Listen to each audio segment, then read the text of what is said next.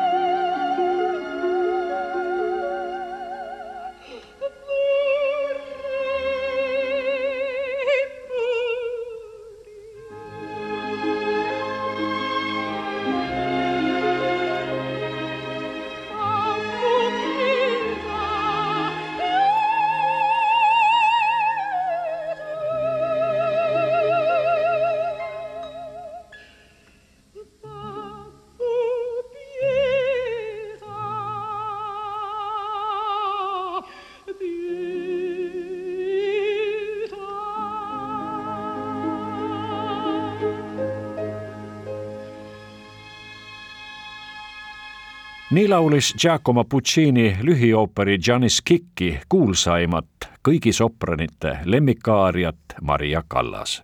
tema sünninimi oli pikk ning isegi proffidele paras pähkel kohe esimese korraga vigadeta välja hääldada, aga palun, Maria Cecilia Sofia Anna Kalogeropoulos muide, Maria sünnitunnistusel oli ta nimeks Sofie Cecilia Kalos. sealt polnud Kallas enam kuigi kaugel. rahvuselt oli ta kreeklanna, kuigi sündis New Yorgi kesklinnas Manhattanil. kui ta isa avas väikese apteegi, muutis ta ameeriklastele, eriti häälduse tasandil, võimatupoolse nime suupärasemaks, seega siis Maria Kallas Maria hakkas laulma ning esinema kuuldavasti oma erakordselt auahne ema Elmina Evangelia nõudlikul pealekäimisel.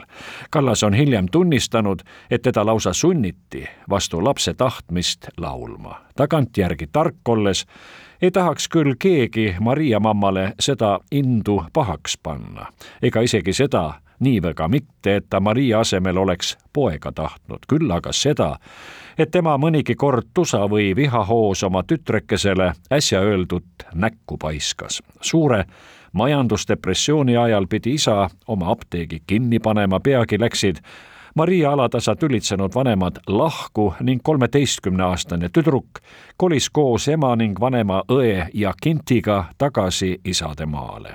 Maria vanem vend Vassilis oli selleks ajaks juba ajukelme põletikku surnud lühinägelikkuse all nooruses tõsiselt kannatanud Maria hakkas laulmist hoole ja innuga õppima Kreeka rahvuslikus konservatooriumis, kus ta õpetajaks oli Maria Trivella. kogenud laulupedagoog taipas kohe, et tegemist on suure andega ning sedagi, et tema õpilane polnud mitte kontraalt, vaid dramaatiline sopran pärast Trivellat sai Kallase pedagoogiks Ateena konservatooriumis tunnustatud Hispaania päritolu laulja Elvira de Hidalgo. temagi kiitis Maria tavatut energiat ning töötahet. esimest korda laulis Maria laval juba aastal tuhat üheksasada kolmkümmend üheksa ning mitte kuskil kõrvalises kohas, vaid Kreeka rahvusooperis. Ateena aastail esines Maria Kallas suure menuga mõneski operetis ja ooperis, kokku sai neid koguni seitse. vähe sellest, enne kahekümne teist sünnipäeva oli Maria Kallas Kreekas jõudnud anda juba üle kahekümne soolokontserdi. Decameronil põhinenud Franz von Suppee jumalavallatus operetis Boccaccio laulis Kallas Beatrice'i osa esimest korda professionaalsel laval. kuid sellest veelgi olulisem oli Santuzza ikooniline roll Pietro Mascani ooperis Talupoja au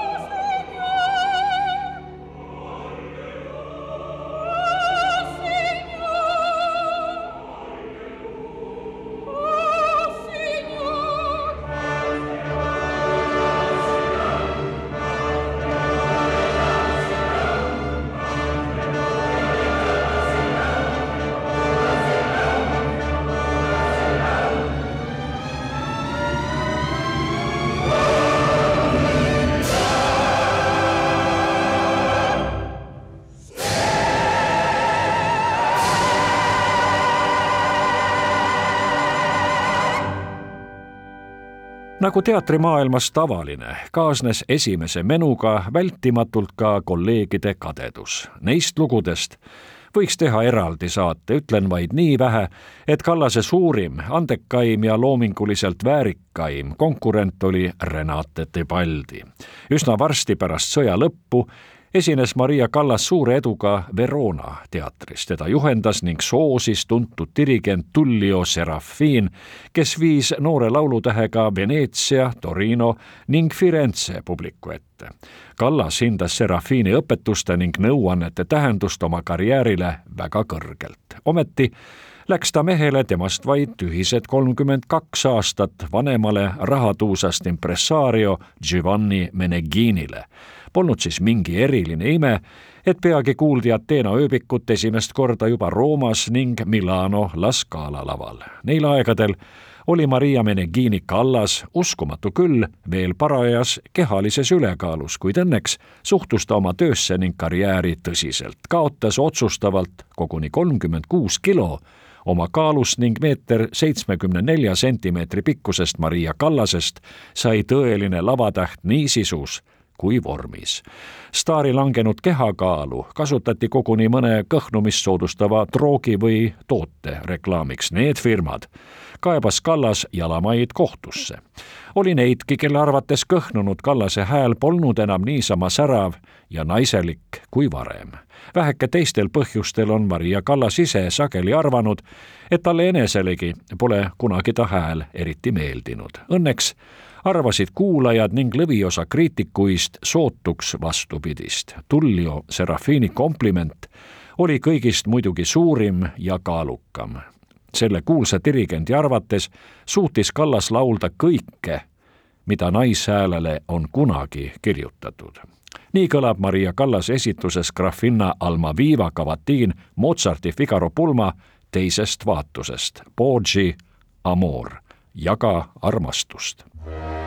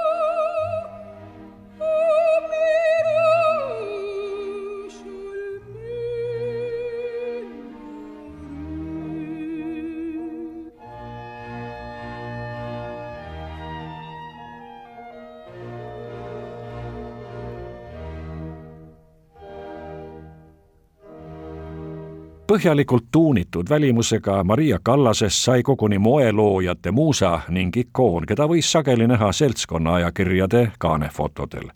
abikaasad otsustasid, et üsna nõrga tervisega Mariast ei saa kunagi ema ning ta pühendub ainult oma loomingule.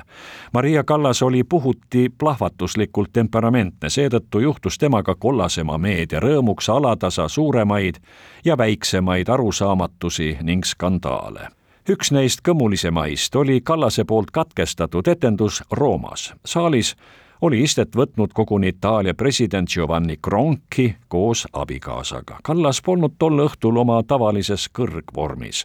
ootamatult primadonna katkestas etenduse, öeldes, et saalis läkastati ja köhiti liiga palju. Kallasest hiljem kirjutatud raamatuist kandis üks värvikalt vihjavat pealkirja Püha koletis.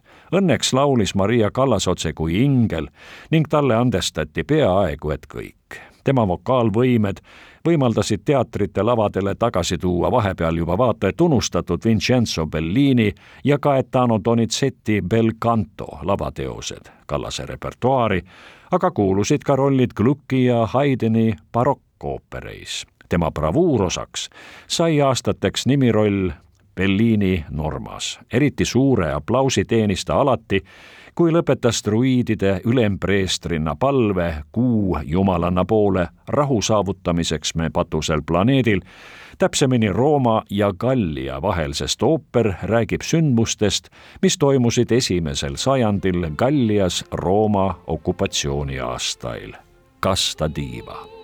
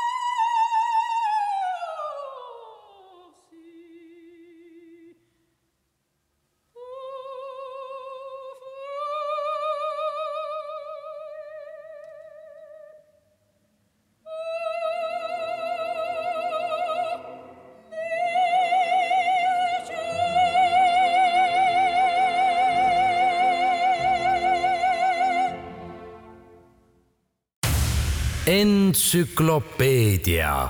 stuudios on Enn Eesmaa Berliini Norma tegi Maria Kallase tuttavaks ja kuulsaks ka Ameerika publiku seas. peaaegu täpselt seitsmekümne aasta eest kuuldi teda Chicago lüürilises teatris ning õige pea ka New Yorgi Metropolitan ooperimajas. õigupoolest käis Kallas USA-s laulmas juba aastal tuhat üheksasada nelikümmend viis, kuid toona ta veel lõplikult läbi ei löönud. aastatega muutus kõik nii sisus vormis kui retsensioonides.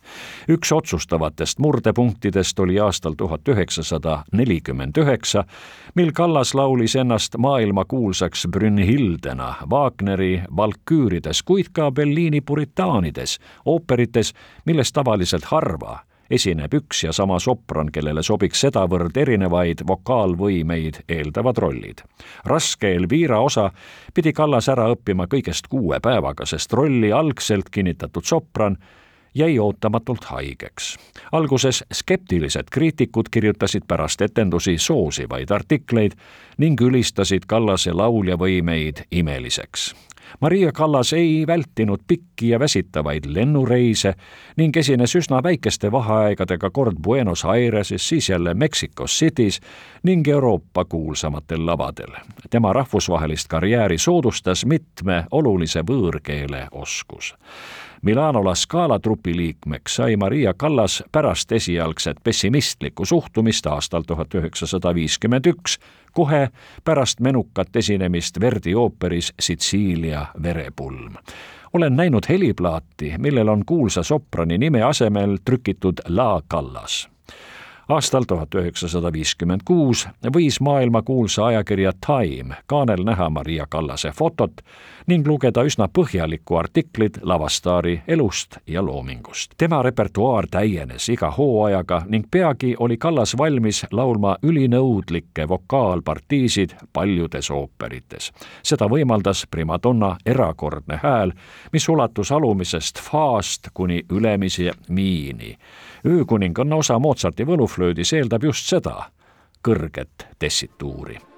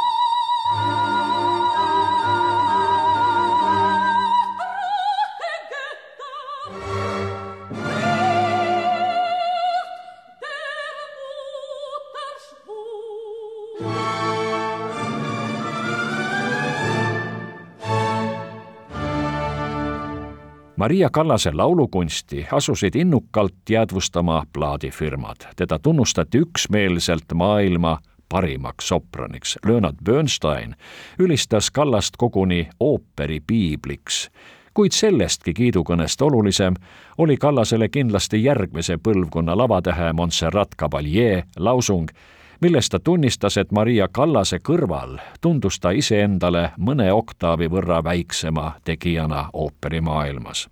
saavutatud staatus võimaldas Kallasel esineda seal, kus ta soovis ning millal vaid tahtis. ta oli tõeline diiva, kes oskas ka tujutseda, eriti kui talle tundus, et selleks on põhjust mõnegi põhjaliku solvumise põhjustas Metropolitan ooperimaja tollane juht, kellega peaaegu et niisama mitu korda ka ära lepiti. viimast korda esines Maria Kallas ooperilaval Norma osas Pariisis aastal tuhat üheksasada kuuskümmend viis. peagi jõudis ekraanidele muusikaline prantsuse telefilm Hüvasti tabariin, milles tegi Kallase kõrval kaasa ning ka laulis Juliette Greco kolm aastat hiljem äratas üldist tähelepanu Maria Kallase esimene draamaroll Pier Paolo Pasolini Euripidese tragöödial põhinevas filmis Medea. loomulikult oli Kallas laulnud nimiosaga Luigi Cherubini samanimelises ooperis. tänase päeva seisuga on mitugi mängufilmi tehtud Maria Kallase elust Neis on ooperistaari kehastanud Luisa Ranieri, Fanny Ardant ja Vega Paz Kallas on koos töötanud kinomaailma kuulsuste Franco Zeffirelli ning Lucchino Viscontiga, kes on kahe peale kuigi eraldi lavastanud nii mõnegi maailmakuulsa ooperi Maria Kallasega peaosas. huvi korral soovitan lugeda seniori Alfonso Primadonnast kirjutatud eluloo raamatut Maria Kallas, liiga uhke liiga õrn, mis on saadaval ka eestikeelsena. kindlasti tasub lugeda ooperitiiva ema mälestuste raamatut Minu tütar Maria Kallas oma emaga ei saanud Kallas kuni lõpuni läbi ning loetu põhjal oli süüdlaseks Elmina, kelle hüüdnimi Litsa küll nagu vihjaks mõndagi eestlasele, kreeklaste jaoks pole sel sõnal aga mingit vallatut tähendust. Kallasest on raamatu Õed kirjutanud ka Giacinta Kallas ning laulutiiva laulatatud mees Giovanni Meneghini Maria Kallas töötas mitu õppeaastat laulupedagoogina maailmakuulsas Juilliardi kõrgkoolis. seda aega kajastas Terence McNally oma vaimukas näidendis Meistriklass, mis esietendus Broadway'l aastal tuhat üheksasada üheksakümmend viis. Maria Kallas on tegutsenud ka produtsendina. aastal tuhat üheksasada seitsekümmend kolm aitas ta lavale tuua Giuseppe Verdi ooperit Sitsiilia merepulm. samal aastal alustas Maria Kallas oma viimast põhjalikku kontserdireisi Euroopa riikides, USA-s Jaapanis ning Lõuna-Koreas koos maailmakuulsa tenori Giuseppe Di Stefanoga. loomulikult kanti ette ka see võrratu stseen Giuseppe Verdi ooperist Traviata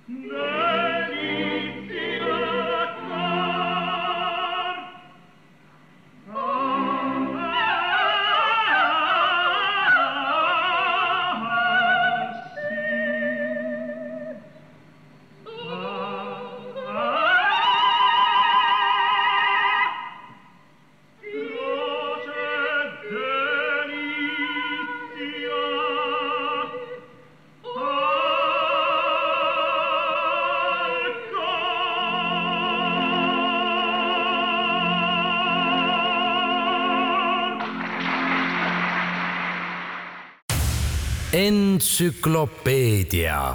stuudios on Enn Eesmaa staari abielu hakkas kiiresti murenema pärast kohtumist miljardärist laevaomaniku Aristoteles Onassisega, kel mäletatavasti oli naisi vaata et rohkemgi kui laevu. peagi said neist armukesed ja hiljuti avaldatud ajakirjaniku Nicolas Cage'i raamatu Maria Kallase ja Aristoteles Onassise lugu andmetel sünnitas Maria Kallas aastal tuhat üheksasada kuuskümmend väikest kasvu rahajõmmile poja enneaegselt sündinud laps elas paraku vaid paar tundi. kunagise otsuse rikkumine maksnud staarile kätte ja pärast ebaõnnestunud sünnituse tragöödiat Maria Kallas praktiliselt lõpetas esinemised. ausalt öeldes on ka arvatud, et poja sünd oli siiski vaid Nicolas Cage'i ebaeetiline soov oma raamatut pingelisemaks ja menukamaks teha. nii või teisiti on Assise ja Kallase suhe jätkus ning nad kavatsesid koguni ametlikult abielluda mäletatavasti ei suutnud väheldane Onassis selle maailma suurtele naistele kohe mitte kuidagi vastu panna ning kõiksugu meedianähtused maiustasid mõnuga mõnda aega Onassise ning leseks jäänud Jacqueline Kennedy teemadel. kuuldavasti sai Maria Kallas oma kallima siiski hiljem veel elusa ja enam-vähem tervena tagasi. Onassis suri aastal tuhat üheksasada seitsekümmend kuus ja kuigi lauljanna ametlik mees oli nõus nende kooselu jätkama, loobus Maria Kallas sellest pakkumisest ja võimalusest ning valis üsna range üksinduse. ta suri südamerabandusse raharikka naisena septembris tuhat üheksasada seitsekümmend seitse oma Pariisi kodus. lavastaar oli lahkumispäeval vaid viiekümne kolme aastane statistikud hindasid Maria Kallase mitmesugust varandust ligi kümnele miljonile dollarile. tavaliselt maksti Kallasele iga esinemise eest tänases vääringus ligi kuus tuhat dollarit, mis toona oli rekordtase. see oli kuulsa lavastaari elulugu. surematuks tegi teda loomulikult Maria Kallase erakordne hääl, professionaalsus ning ta kuulsad rollid. La Divinaks ülistatud primadonna osade nimekiri on üle neljakümne pikk. Maria Kallase osalusel on plaadistatud vähemasti veerand sada maailma muusikaliteratuuri ooperipärli oma parematel aastatel oli ta maailma ülistatuim ooperilaulja, keda lausa ametlikult kutsuti primadonna absoluutaks, siis absoluutseks primadonnaks. Briti tuntud muusikaajakiri Music Magazine kuulutas aastal kaks tuhat seitse Maria Kallase kõigi aegade parimaks sopraniks. soovitan kasutada Youtube'i täna veel tasuta võimalusi et veenduda äsja öeldus oma silma ja kõrvaga, sest Maria Kallasest on palju nii filmi kui videomaterjali.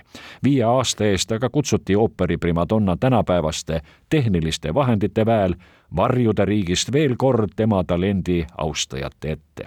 mitme linna esindussaalis toimus Maria Kallase IT-kontsert ning publik nägi ja kuulis kõigi aegade üht legendaarsemat sopranit esitamas aariaid, mis ta kunagi kuulsaks tegid. kindlasti võib huvi pakkuda teadmine, et Tšiili päritolu kinolavastaja Pablo Larrain on alustanud tööd eluloofilmi Maria ekraanile toomiseks. Kallase rolli kutsus ta maailmastaari Angelina Jolie saate lõppu valisin Floria Tosca aaria Giacomo Puccini ooperi Tosca teisest vaatusest. tuntud lauljanna püüab oma armastatu elu halastamatu Scarpia käest päästa ning on valmis Cavaradossi nimel ohverdama kõik, mis tal on, nii oma kunsti kui koguni elu. Vissi d'arte, elasin kunstile, kuulub kõigi tasemel sopranite kohustuslikku repertuaari. Raske öelda, kas seda aariate aariat on Maria Kallasest veelgi paremini võimalik esitada. asjatundjate arvates pole see tänaseni veel õnnestunud. head kuulamist ning kuulmiseni järgmises entsüklopeedia kuuldeseeria saates nädala pärast laupäeval, üheksandal detsembril üsna kohe pärast kolmepäeval. siis alustan jutte ja lugusid spordist, sest entsüklopeedia on piirideta teabesari ning ei piirdu vaid mõne üksiku teemaga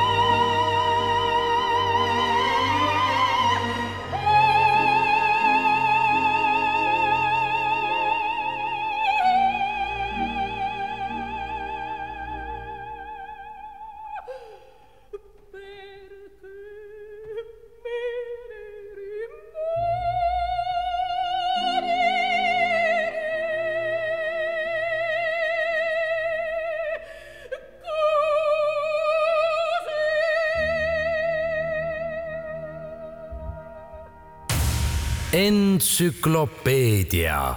stuudios on Enn Eesmaa